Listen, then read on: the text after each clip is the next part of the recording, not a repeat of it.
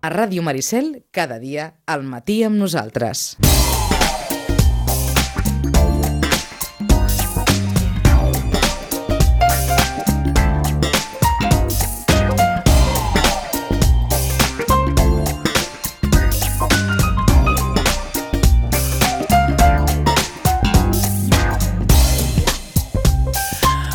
I 19 minuts del matí, prèvia esportiva, des d'ara fins les 12 per acabar amb el programa. Mm, hem superat ja el darrer parèntesi de la, de la temporada, el de la Setmana Santa, i per tant enfilem ja la recta final de la majoria de les competicions. Eh, ens trobem ja en aquelles setmanes, mesos, en els que els clubs comencen a decidir bona part del seu futur a les categories.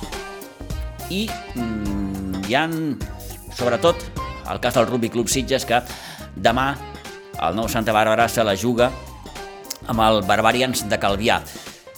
Quan creiem que la derrota amb el Sant Roque ja era definitiva, mmm, Alejandro Villarreal, el president del Rugby Club Sitges, ens va dir no, encara no, encara no.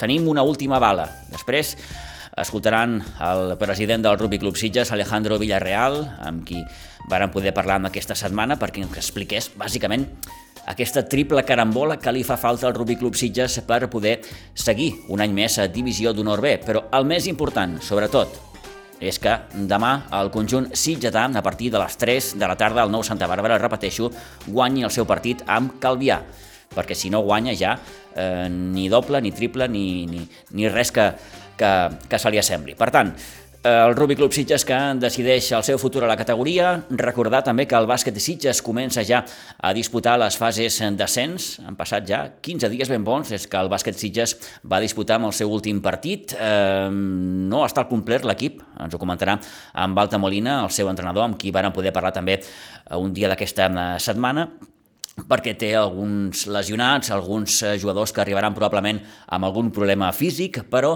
el bàsquet de Sitges, eh, repeteixo, comença ja a disputar les seves fases d'ascens aquesta de setmana a Girona, a la pista del Club Bàsquet Quart. Això i la resta.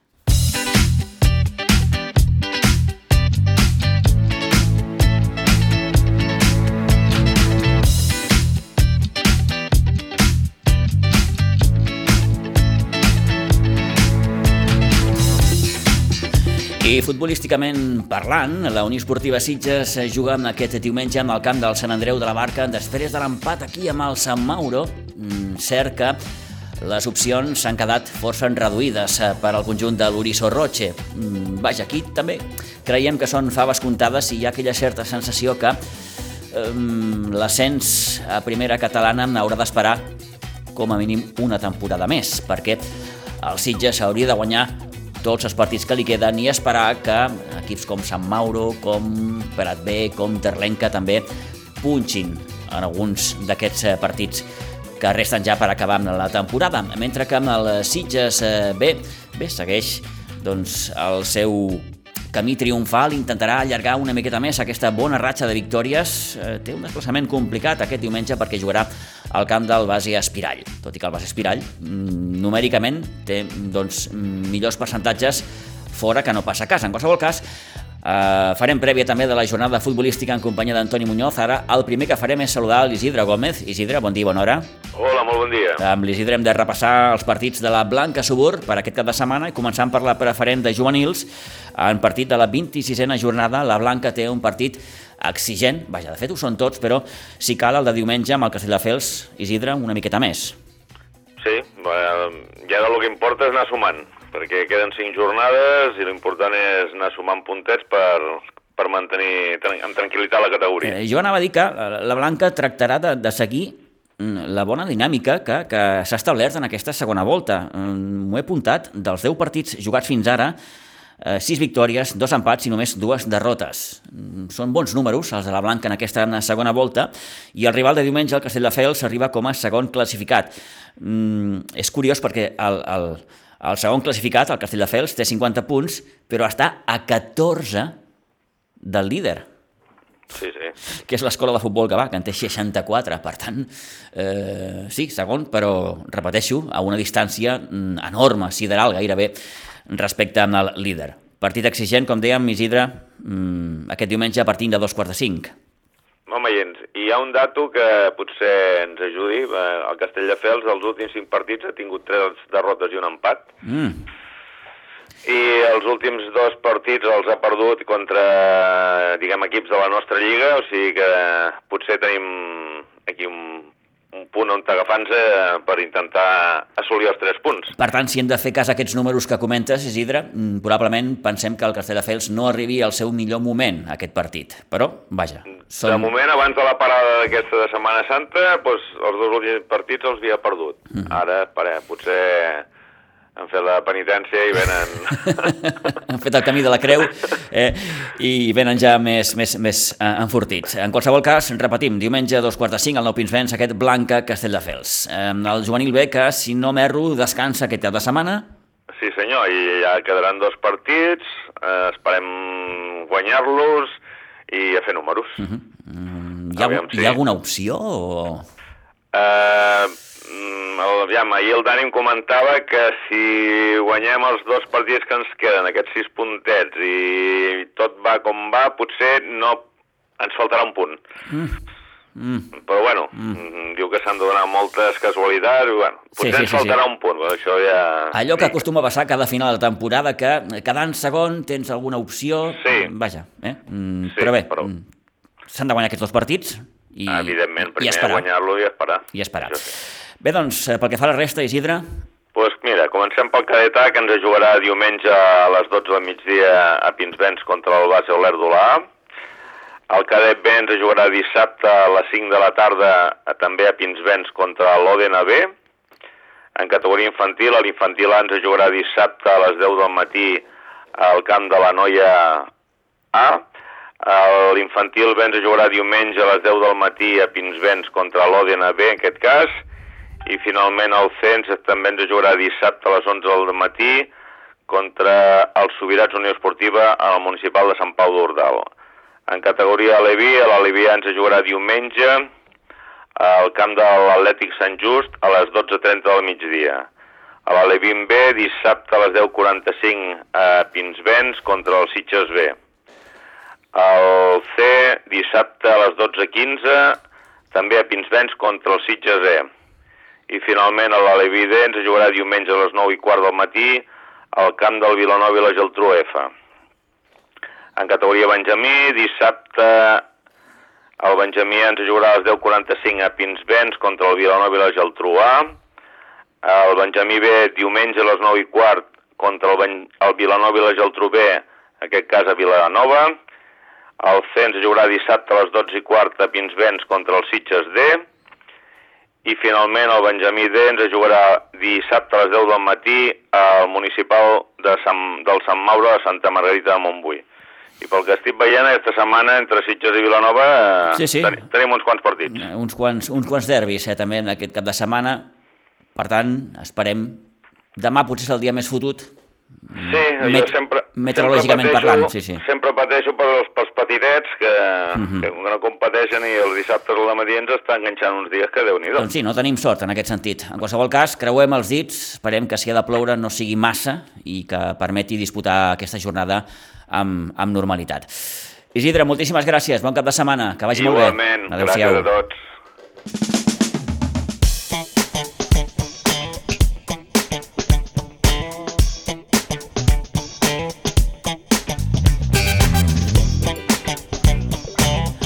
Doncs això, esperem que demà, si ha de ploure, no, no, no, no tingui una, una afectació massa important en la disputa de la majoria dels, dels partits. Eh, futbolísticament parlant, ho dèiem fa una estona, a la segona catalana, la Unió Esportiva Sitges està més obligada que mai a guanyar amb el seu partit aquest diumenge al camp del Sant Andreu de la Barca a partir de les 12 del migdia. Home d'entrada mm, és un camp tiro de tòpics, eh, ho sé, però és un camp complicat, un camp difícil.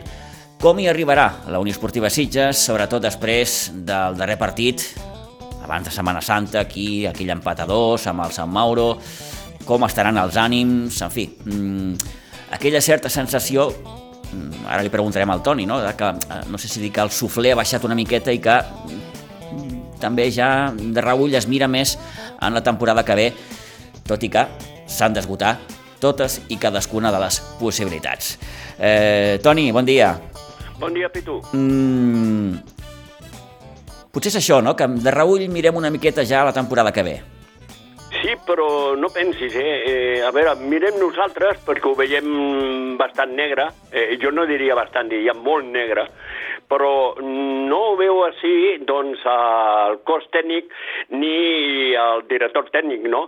Eh, volen que guanyi eh, tots els eh, partits possibles ara i mirar a veure què passa al final, no? Perquè fins i tot el dimarts, fins i tot el dimarts, perdó, el dimecres, doncs no era el dimarts, sinó el dimecres, doncs uh, Ángel Calvo eh, deia eh, que havia escoltat que podia posar un tercer, un millor tercer. Eh? Ja hi som. Eh, que podia, eh? però a veure, s'està parlant de moltes coses, eh? també s'està parlant de la tercera catalana, que pot pujar un tercer, un millor tercer, no? Però eh, de dicho al hecho va un trecho, no? Uh -huh. Lo important és que guanyin tots els partits possibles, que mirin a veure si poden quedar tercer millor que quarts i si poden quedar segon de faula, no? Passa que de, per quedar segon ja està molt, però molt, molt negre. D'entrada estàs obligat a guanyar aquest diumenge, com dèiem, al camp del Sant Andreu de la Barca, un Sant Andreu de la Barca que ara mateix és tercer per la cua. Eh, sí que va guanyar la primera volta aquí a Iguadols 0 a 1, té el tercer màxim golejador, que és Manel Torralba, que ha anotat 16 gols, una jornada tònica també ens depara alguns enfrontaments interessants, com per exemple aquest Prat B Terlenca, Eh? Sí, sí, a més, eh, un partit, eh, Pitu, que seguim mal pensat, i jo, i jo sóc una mica mal pensat. Penso que per ells eh, l'empat li va bé a los dos. Sí. Eh? A un perquè suma un punt més eh, i perquè ja, per, per al Prat ja t'ha assegurat com a mínim el segon lloc, el primer jo penso que el Prat quedarà campió, eh? i per l'altres eh, per mirar de quedar tercer, com a mínim, o esgarrapar punts al Sant Mauro, no? Eh, per això te dic que són els dos del Prat, los coneixo perfectament, perquè a més a més, eh, doncs, eh, el Prat, jo no vaig estar al camp del Prat, però sí al camp de Terlenca, eh, i serà un partit en el que me dóna la sensació que eh, firmarien tots dos a l'empat. Eh, Toni, després del partit eh, amb el Sant Andreu de la Barca, el Sitges li quedarà amb el Sant Quirze aquí a Iguadols, haurà d'anar mm. al camp de l'Atleti Vilafranca, rebrà aquí l'Atleti Prat Delta, i tancarà temporada a l'Òdena. Eh, però no oblidem que al Sitges li tocarà descansar la penúltima jornada. Clar, fins i tot això li juga en contra. Sí, totalment, totalment, perquè clar, tens que, que pensar això, que té que descansar encara, no? Eh, el Sant Mauro ja l'ha fet, eh? eh, tots els altres ara començarà... El, el, el, el Terlenca barcelonista també l'ha fet, eh? eh, doncs si li queda per, per descansar als Sitges. A veure, jo penso que eh, eh el calendari que li queda als Sitges no és tan complicat, Eh, sí, la Fundació és un equip que a mi me preocupa bastant perquè és un equip que juga bastant a futbol, eh? però no és tan complicat com potser lo tenen ells, el que passa que la diferència de punts eh, és el que per mi suma, no? I per això jo penso que els Sitges ara per ara eh, té que fer el seu paper, mirar de guanyar Sant Andreu la Barca, de tornar-li una miqueta la bola, aquella bola d'aquell penal, perquè a partir d'allà va començar, eh, jo diria, els problemes pels Sitges, Sitges, aquell penal eh, que van xiular quan era un metre fora de l'àrea i l'àrbitre va donar. Va tenir minuts per empatar el Sitges, però no va poder ni empatar. Que sumi els tres punts allà i partit a partit, eh? Ara sí que més que mai sí, es té que dir partit a partit i mirar de quedar el millor possible. Eh, si poden quedar, com t'he dit abans, eh, segons de fàbula, això és molt difícil, però si poden quedar tercer, millor que quarts. Ara mateix el Sitges doncs, té difícil l'accés a aquesta segona plaça, però, vaja... Mm aquests 15 punts que li queden per, per, per, per jugar, doncs haurà de ser com, com, com, com es diu, no? El, el pleno al 15, mai millor dit. A la tercera catalana, el Sitges B, Toni, visita un camp, vaja, ho saps millor que ningú, d'entrada complicat, el Bas Espirall, sí. i ara estava mirant, el Bas Espirall és 13 la classificació, té 28 punts, però a fora, curiosament, té millor balanç en quant a partits guanyats. N'ha guanyat 3 a casa i, en canvi, a fora n'ha guanyat 5 va ser capaç de guanyar aquí. 0-4, eh, sí, sí, sí. Sí, per això... Eh, però el que passa que juga davant d'un equip que també té millors números a Can Contrari que a casa. Eh, com és el Sitges. Un Sitges que, que tan sol ha perdut un partit a Can Contrari, al Camp del Ribes, com hem dit moltes vegades, no? I va ser a principi de la primera volta, no? Eh, home, jo confio molt en aquest Sitges, més en un Sitges que ha anat de, de, de, de menys a més, eh, ha anat eh, progressant moltíssim, que juguen totes les pilotes i que jo film, filmaria que el Sitges treurà un molt bon resultat de l'Espirall.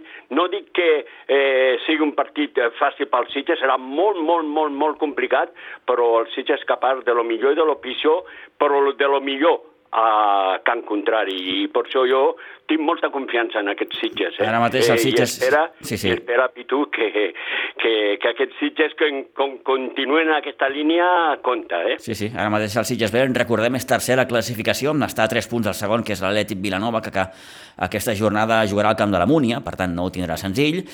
El Ribes, que en rebrà la Granada, la Penya Jove té el seu partit a casa amb les Cabanyes i el Vilanova del Camí, que visitarà el camp del Riu de Villes. Així es presenta en aquesta jornada futbolística a la tercera catalana. N'hem pogut fer prèvia una setmana més amb en Toni Muñoz. Toni, moltíssimes gràcies, que vagi molt bé. Molt bé, Pitu, igualment. Bon cap de setmana i parlem dilluns. Adéu-siau. D'acord. Adéu, Pitu, bon dia.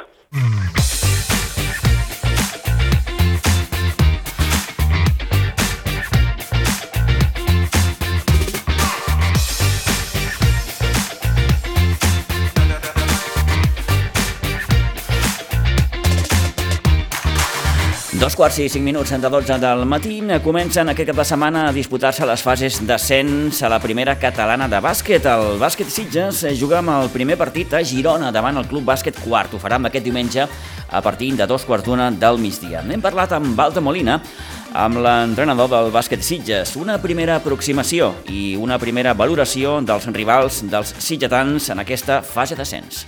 Doncs eh, seran rivals molt complicats com era d'esperar, perquè aquestes fases d'ascens el que busquen una miqueta és la igualtat entre els equips i, i així serà. Eh, són equips que mm, eh, bueno, han quedat segon, tercer i quart, amb molt poca diferència de rotes entre nosaltres. Nosaltres hem perdut quatre i el, el quart, que és el quart equip, el quart de Girona, mm. ha perdut, ha perdut vuit amb el que, i el segon ha perdut 5, eh, eh, 6, ha perdut el, el Sant Adrià. Mm, és, és una diferència mínima i seran unes fases igualadíssimes. Hem d'equiparar-lo, enfrontar-nos entre nosaltres un altre cop doncs, amb, el, amb el Vilanova, que ja vam perdre a casa, amb el Salou, que ja vam perdre allà. Eh, són uns equips molt, complicats. En general, equips joves, eh, dos, dos d'ells amb, amb, són el sènior B de l'equip, el quart té el sènior A a EVA i el Sant Adrià té el sènior A a Copa, eh, amb el que també s'ha de tenir en compte que hi haurà jugadors que durant la Lliga aquests equips no han comptat amb ells durant tots els partits perquè han estat vinculats amb el sènior A i que segurament ara doncs, eh, els utilitzaran per intentar guanyar partits a la fase d'ascens. Mm. Perquè ens fem una idea, Balta, eh, mm, equips com Quart, Vilassar i Sant Adrià són del nivell, què et diré, Casal, Salou? Sí, sí, exacte. Eh, mira, jo vaig estar veient el partit del Vilassar i, com tu dius, l'equipararia és, és bastant semblant al Salou eh, un equip jove que li agrada córrer, eh, amb jugadors alts també, mm, amb llançament de 3, eh, complicadíssims. De fet, el, per exemple, el Vilassar, que és el tercer classificat a la seva, a la, al seu grup, eh, no ha perdut cap partit a casa. Ha guanyat els 10 que ha jugat allà. I la, totes les derrotes han estat fora. Eh, Sant Adrià, també l'hem vist, d'analitzar encara una miqueta el vídeo que tenim. I també és un equip jove. I el quart és una miqueta el, el que desconeixo més perquè no tinc referències eh, de vídeo o només les referències que tinc són les estadístiques de federació, però serà un equip molt complicat. Pensa que eh, té nou jugadors per sobre de 9 punts de mitja eh, eh, durant, durant aquesta primera fase. Eh, clar, no ha pogut comptar amb tots, d'aquí que, que quadrin els números, no? És un equip que, que fa 74 punts per partit, eh, però pensa que el màxim anotador són 10 punts per partit i sota d'aquest hi ha 7 més eh, que estan per sobre dels 9 i després uns altres dos que són 8 punts que també... Qualsevol jugador d'aquest equip ens pot fer un desgavell, amb el que seran molt perillosos Eh, I, en definitiva, eh, esperem, i el que hem de fer, penso jo, és eh, gaudir d'aquestes fases, de la igualtat, esperar tenir sort, que també la sort eh, tindrà moltes coses a, a veure aquí, i, com he dit abans, de gaudir, disfrutar, i no esperar ni pressionar-nos amb resultats i ascensos, que si arriben, per suposat, és el nostre objectiu, però que donada la igualtat d'aquest grup, doncs mm, pot passar qualsevol cosa inesperada. Haguessis preferit debutar a casa? Eh, mm, well, aquí hi ha una miqueta... Clar, si debuto a casa, acabo fora. Ja. Eh, el debut a casa eh, sí que hagués tingut coses positives. Evidentment jugues a casa, el primer partit serà important, però donada la perspectiva de que aquí tot es decidirà possiblement a l'últim partit, doncs m'estimo més decidir l'últim partit a casa, Clar. com, com ha quedat demostrat amb el, amb el Vilafranca. Sí, senyor. Mm -hmm. Com està l'equip?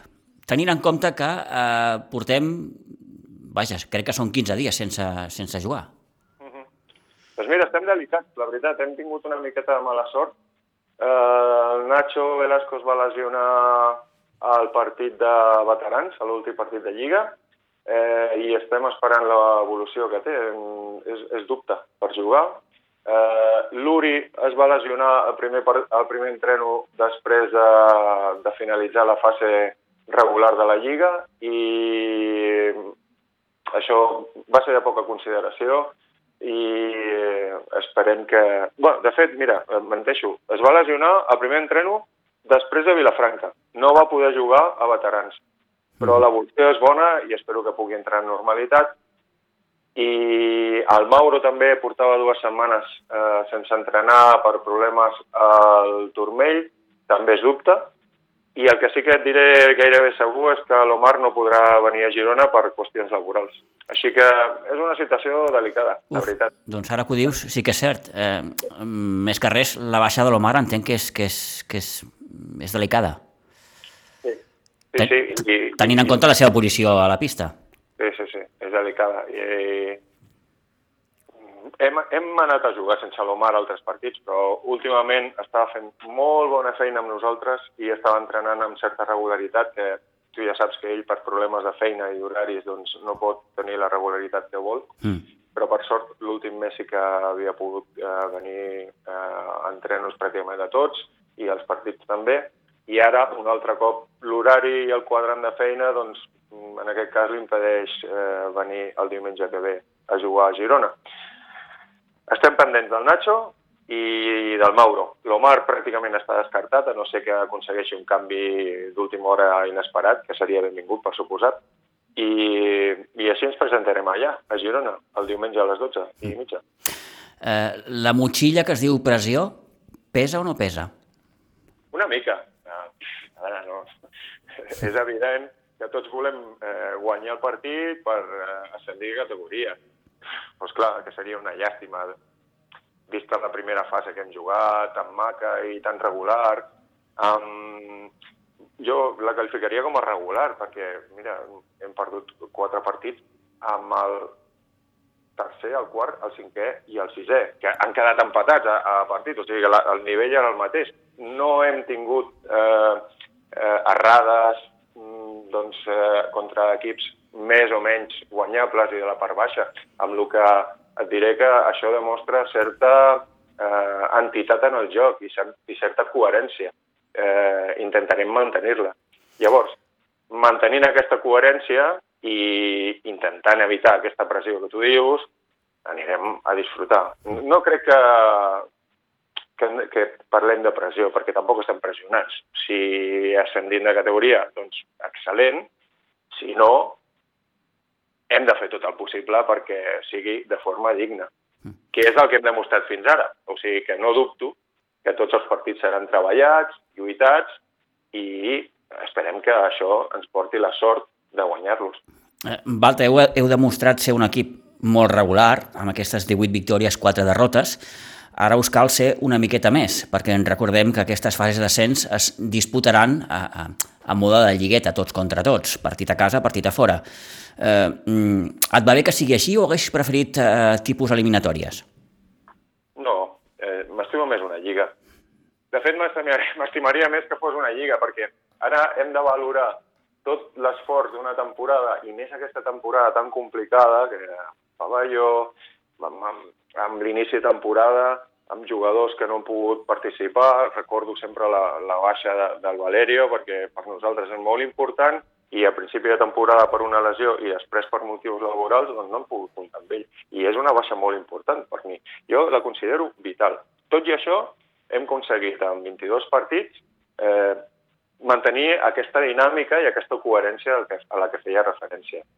Clar, a mi m'hagués... Jo m'hagués estimat més valorar el nostre esforç en 28 partits i haver quedat primers en 28 partits. Et deixa cert marge d'error. Perquè, per exemple, en el cas de l'Omar, doncs, si no ve en aquest partit del diumenge, eh, ha deixat de venir almenys en un de sis. Si ha de, en el cas de 28 partits, això es dilueix una miqueta més en la quantitat de partits que, que, que vas a jugar. Llavors, eh, això el que vull dir és que eh, m'estimo més una lliga perquè premia més la regularitat, que penso que és el que s'ha de valorar, i aquesta lliga curteta té aquest hàndicap de que qualsevol error després pot ser definitiu. I mm, no, no em sembla bé. L'hem de jugar, s'ha decidit així, doncs, bueno, tothom juguem amb les mateixes regles.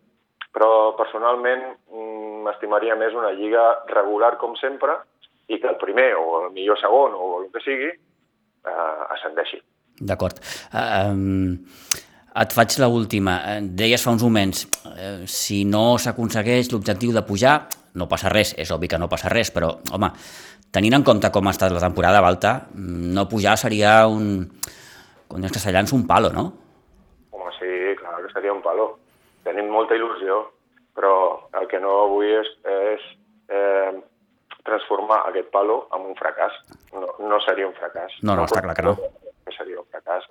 I amb aquesta premissa, doncs, anar a disfrutar-lo. I si ascendim, doncs millor. I si no, l'any que ve, mm, no passa res. Uh, la filosofia del club, a la que estic totalment d'acord, és que hem de tirar endavant un sènior amb jugadors de la casa i estar a la categoria que aquests jugadors eh, demostrin. Llavors, per lo que sigui no podem demostrar que podem que ja està demostrat que podem jugar a primera catalana, però per lo que sigui, amb aquests partits doncs tenim mala sort i no aconseguim l'ascens, l'any que ve. No passa res. Doncs amb els millors desitjos, Balta, gràcies per atendre la nostra trucada, que vagi molt bé el debut a Girona, a la pista del Club Bàsquet Quart. Recordem aquest diumenge, dia 24, a partir de dos quarts d'una del migdia temps tindrem per seguir-ne parlant. Balta, gràcies, una abraçada, molta sort. Gràcies, Pitu, una abraçada.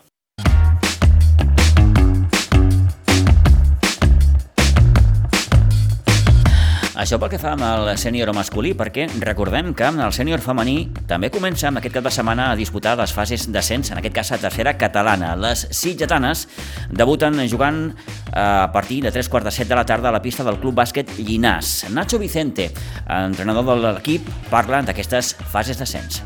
El bàsquet Sitges, amb el sènior femení, estem molt, molt il·lusionades amb jugar aquestes fases d'ascens a tercera catalana. L'equip eh, bueno, és jove, és el primer any que podien jugar a sènior i la veritat que quedar terceres i a més just l'última jornada esperant la derrota del Molins que juga contra el Coi Blanc eh, ens va fer, bueno, la, la, la van celebrar molt i poder jugar a les fases i ara bueno, ens venen tres rivals que són, seran durillos. Eh, juguem contra el Caldes, que han quedat primers del seu grup amb només tan sols de, dos derrotes, després el Joventut Les Corts, que han quedat segones en el seu grup amb sis derrotes, i el Llinars, que és el primer en què ens enfrontarem aquest diumenge, que han quedat quartes però només han, han patit sis derrotes durant tota la temporada. O sigui que serà, serà, deu ser un grup difícil on bueno, caldrà estar concentrades, competir, no tenir errors, perquè amb, un petit, amb un, una petita pèrdua d'un partit doncs ja et pots sentenciar i amb molta il·lusió. L'equip té moltes ganes, hem fet uns bons entrenaments, ara aquesta setmana, eh, tot i que ahir era festiu, farem també tres dies, i recuperant alguna jugadora que va acabar tocada la temporada, com és la Núria, i que aquest partit segurament no ens pugui ajudar, però a partir de la següent ja la tindrem al 100% perquè ens pugui donar també un cop de mà. I moltes ganes, moltes ganes d'intentar veure si el sènior femení l'any que ve pot jugar a tercera catalana. Bé, doncs eh, tota la sort del món també per les noies de Nacho Vicente, per aquest sènior femení que debuta, com dèiem, diumenge a 3 quarts de set a la pista del Club Bàsquet Llinàs. Recordar també que el sènior B comença a disputar en aquest cas fases de permanència per seguir el campionat territorial sènior A. Amb el primer partit l'enfrontarà amb el Club Bàsquet SIC aquest dissabte, demà dissabte Pinsbens a partir de dos quarts de vuit. Parlem de rugby perquè el Rugby Club Sitges no ha dit encara la seva darrera paraula i té encara una petita opció de permanència. Així ens ho comentava el seu president Alejandro Alejandro Villarreal. Sí, sí, sí. Eh, a ver, eh, depende de muchos factores. Eh, primero, tenemos que ganar con bonus. esto quiere decir que tenemos que conseguir tres marcas de diferencia con el equipo. con, en este caso con las Islas Baleares, que vienen, que nos visitan el sábado. eso es lo, que está en nuestras manos. Eh, luego, el Gothic eh, juega con Poblenou. Eh, el Gothic tendría que perder con Poblenou y no hacer bonus. Eh, y el, la Vila, que la, la, Vila está en división de honor, está ante último, está a dos puntos de de Guernica. Eh, Guernica tiene que perder y la Vila, eh, bueno, no tiene que descender la Vila. De acuerdo. Entonces, si la Vila no desciende eh, y no, a nosotros se nos da el resultado que esperamos que se nos dé y pierde el Gothic, eh, la categoría, el, en la zona nuestra solamente descendería un solo equipo. Como no hay ningún equipo de regional que quiera subir, solamente está, creo que Vila Franca. De acuerdo, sí. Eh, eh, como no hay ningún otro, no, no se jugaría promoción. O sea, sería la forma ya de salvarnos definitivamente. Por lo tanto, Alejandro, como explicas, es un poco una carambola a tres bandas, ¿eh? Sí, sí, sí, sí. Mm, eh, claro, y, es aquello que dicen, ¿no? Cuando tú no dependes de, ti, mm, claro, es, complicado. Pero bueno, hay, hay esa última bala todavía.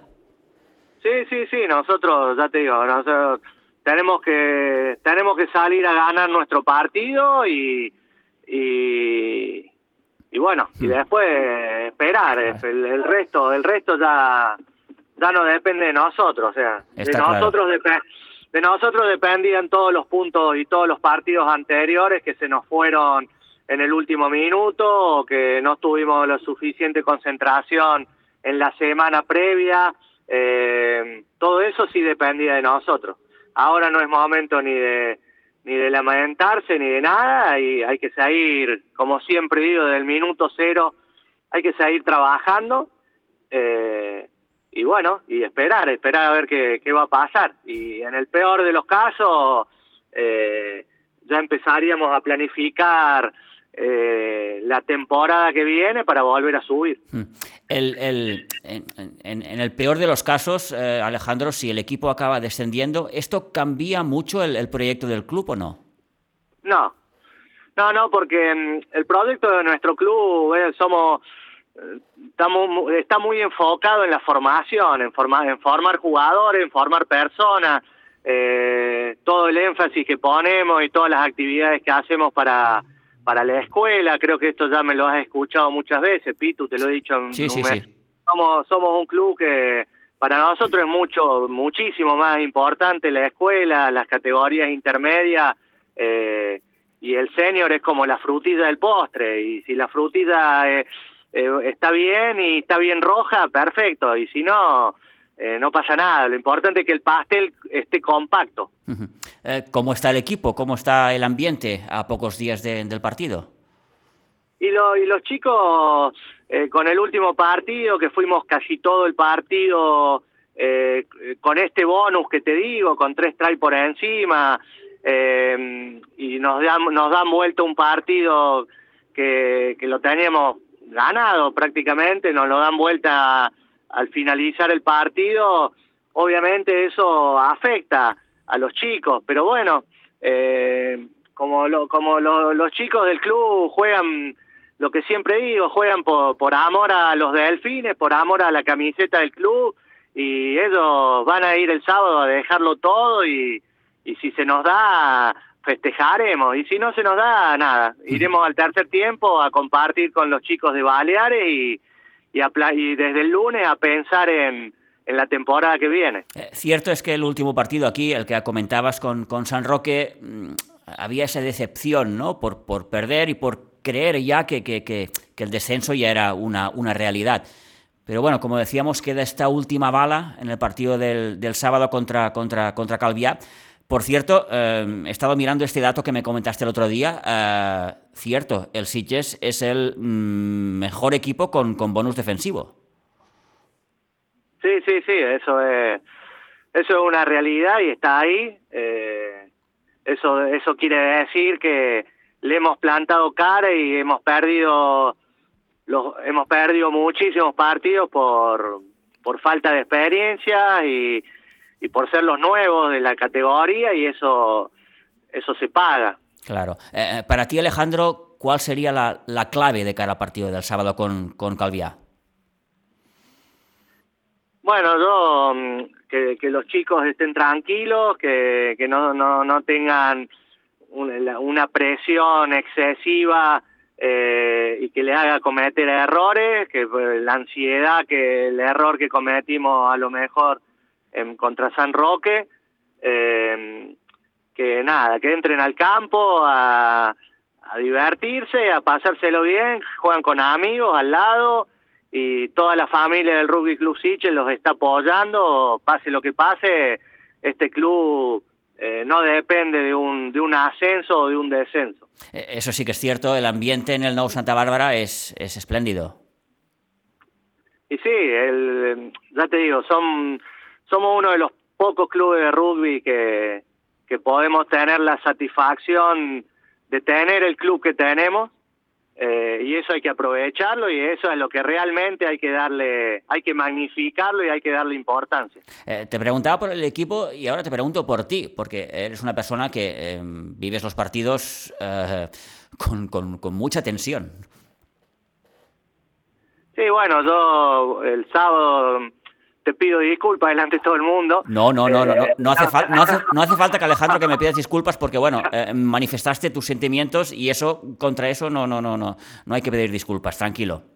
Eh, obviamente es mi club y, y yo lo siento, eh, nada, es mío. Como tal, claro, claro. Entonces, lo, sí, es verdad, no, me, me aíslo un poco y y me voy a una punta y lo vivo de otra forma porque no quiero no quiero tener eh, ni presiones ni comentarios que pueda hacer gente que no que no vive el, el día a día que no sabe por qué los jugadores eh, nada yo es mi forma de de, de, de, manifestar, de manifestar mi mis sentimientos y y nada, y ¿qué, qué querés que te diga? Eh, sí, sí, es, el club de, es el club de mis amores. Claro, claro, claro. Eh, mm, bueno, a esperar el sábado, Alejandro, y a ver qué pasa, ¿no? Eh, primero, sobre todo importante, lo remarcamos, porque si no se gana, entonces ya nos olvidamos. No, no, no, está claro. Eh, hay que hay que ganar y con bonus. O sea, no hay otra. O sea, si, Si perdemos o empatamos ya no sirve. Pues bueno, Alejandro, gracias. Eh, nada, te queríamos llamar para, para eso, para, para que explicaras eh, que precisamente existe esa última oportunidad a la que nos agarramos todos y esperemos que, que el sábado pues bueno, no sé si crees en los milagros, porque bueno, los milagros los hay o no los hay, se crees o, crees o no crees, pero bueno, en cualquier caso, uh, queda, como decíamos, esta última oportunidad. Alejandro, no, muchísimas no, gracias. Eh, dime, dime. Tú, disculpa, yo no, no creo en los milagros, yo creo en el trabajo del día a día. Claro, sí, sí, sí, cierto, cierto. Pues bueno, ahí lo dejamos. Alejandro, muchísimas gracias, un abrazo, suerte. Gracias, Pitu. Bé, doncs tota la sort del món per al Rugby Club Sitges demà a les 3 de la tarda al nou Santa Bàrbara amb aquest partit decisiu, transcendental davant Barbarians de Calvià. I recordar també que el Club Patí Subur Sitges ja ha descendit, malauradament, jugar amb aquest diumenge a les 6 a la pista del Hockey Club Montbui.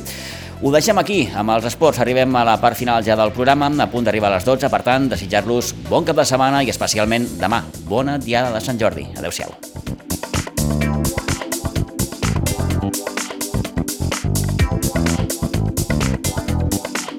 A Ràdio Maricel, cada dia, al matí amb nosaltres.